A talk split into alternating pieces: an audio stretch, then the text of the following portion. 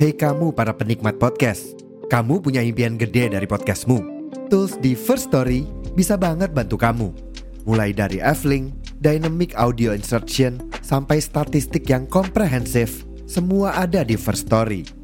Gak ketinggalan, kamu bisa monetisasi podcastmu lewat iklan dari First Story Ads yang bisa kasih kamu penghasilan dari setiap place podcastmu. Yuk gabung sekarang dengan klik di firststory.me. Sekali lagi, di firststory.me. Mari kita bawa mimpi podcastingmu menjadi kenyataan.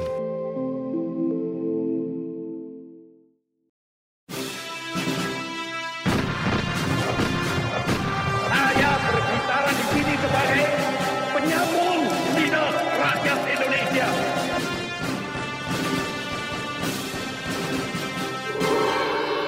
Hai, terima kasih sudah memilih mendengarkan kami, Poseidon, podcast yang bikin kalian gagal move on.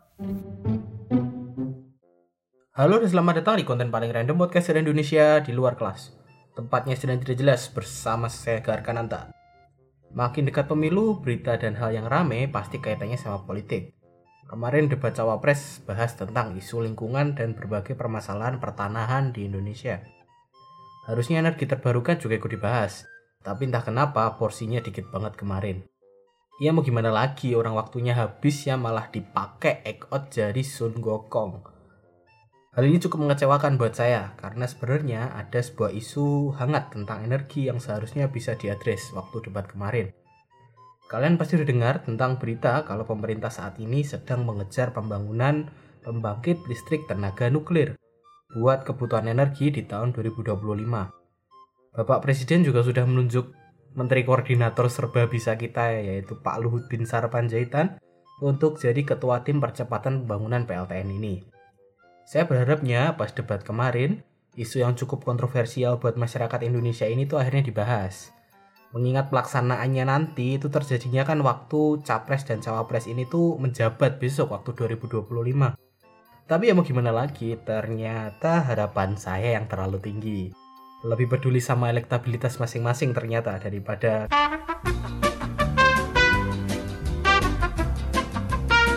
Udahlah ya, mari kita bahas yang lainnya aja sesuatu yang lebih ringan dan lebih dekat dengan kita. Sesuatu yang saking dekatnya sama kehidupan, nggak jarang sampai jadi bahan perdebatan. Mari kita bahas tentang teh dan kopi. Bisa dibilang kalau dua jenis minuman ini adalah dua minuman paling populer di dunia di bawahnya air putih. Bahkan ada orang yang kayaknya tuh lebih banyak minum ini ya daripada air putih.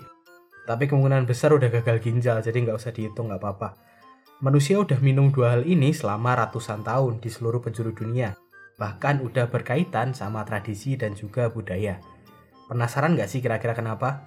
Penasaran nggak kenapa dunia ini sampai kebagi jadi dua gitu, negara peminum kopi dan negara peminum teh?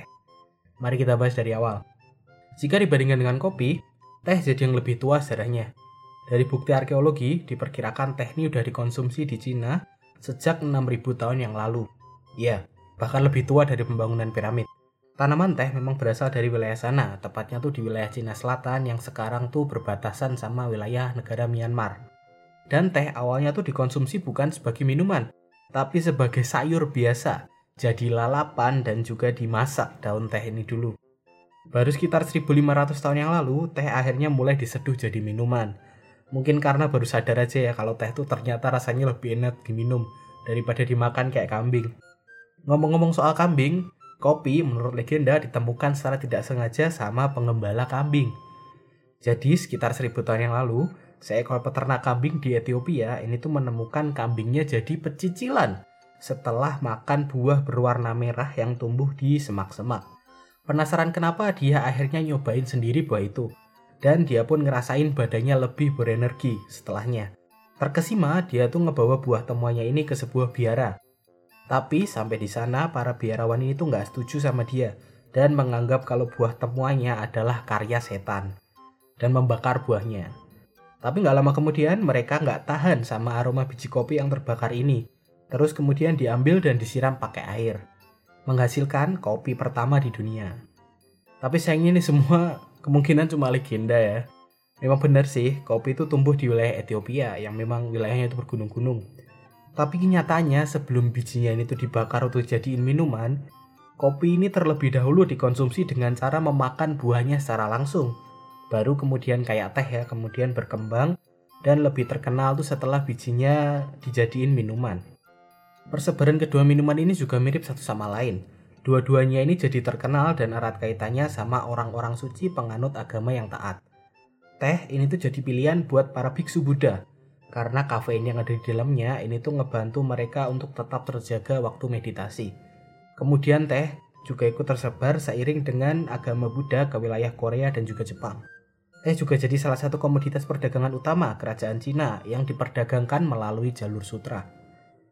Kopi juga sama, karena wilayahnya yang cukup dekat dengan Ethiopia, kopi kemudian tersebar ke wilayah Jazirah Arab, bersama dengan jalur perdagangan Laut Merah. Di sana, kopi jadi pilihan utama buat para ulama sufi yang juga berdagang. Karena efeknya ini bisa bikin melek dan ngebantu mereka buat melakukan ibadah sholat malam.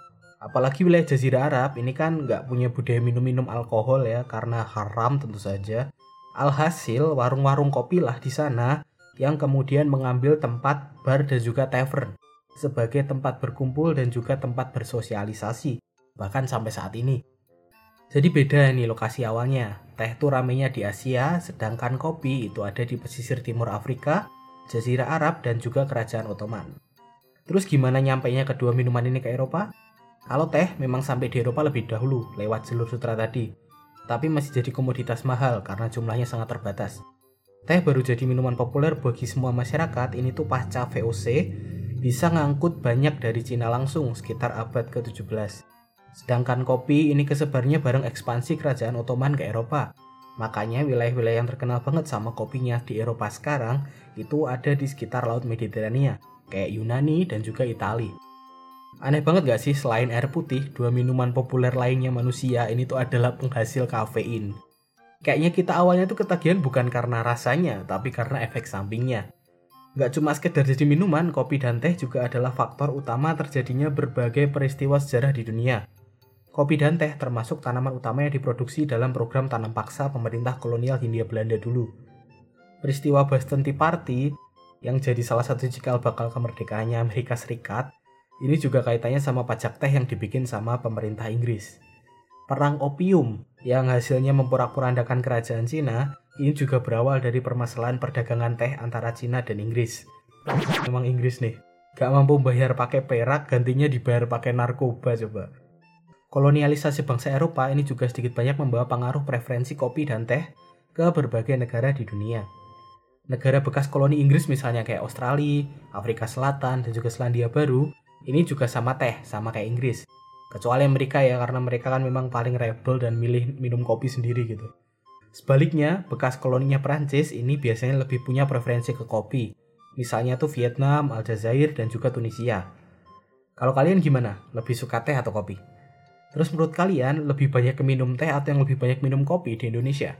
silahkan tulis pendapat kalian di kolom Q&A atau kolom komentar sesuai dengan platform tempat kalian mendengarkan Maaf ya kalau suara saya agak aneh, tenggorokan saya lagi sakit nih. Kalian juga silahkan jaga diri masing-masing. Hawanya juga lagi nggak enak ya. Kadang panas banget, kadang dingin banget. Bikin gampang ngedrop badan kita. Jadi silahkan take care. Terima kasih udah dengerin sampai habis. Kalau punya kritik, saran atau ide di bahasan, silahkan dikirim ke Instagramnya Poseidon di @podcast underscore Indonesia atau ke Instagram pribadi saya di @rotikecap. Jika ada kesalahan, saya mohon maaf sebesar-besarnya. Saya Iqbal Kananta pamit. Sampai bertemu di konten Poseidon yang lainnya. Uh, bye bye.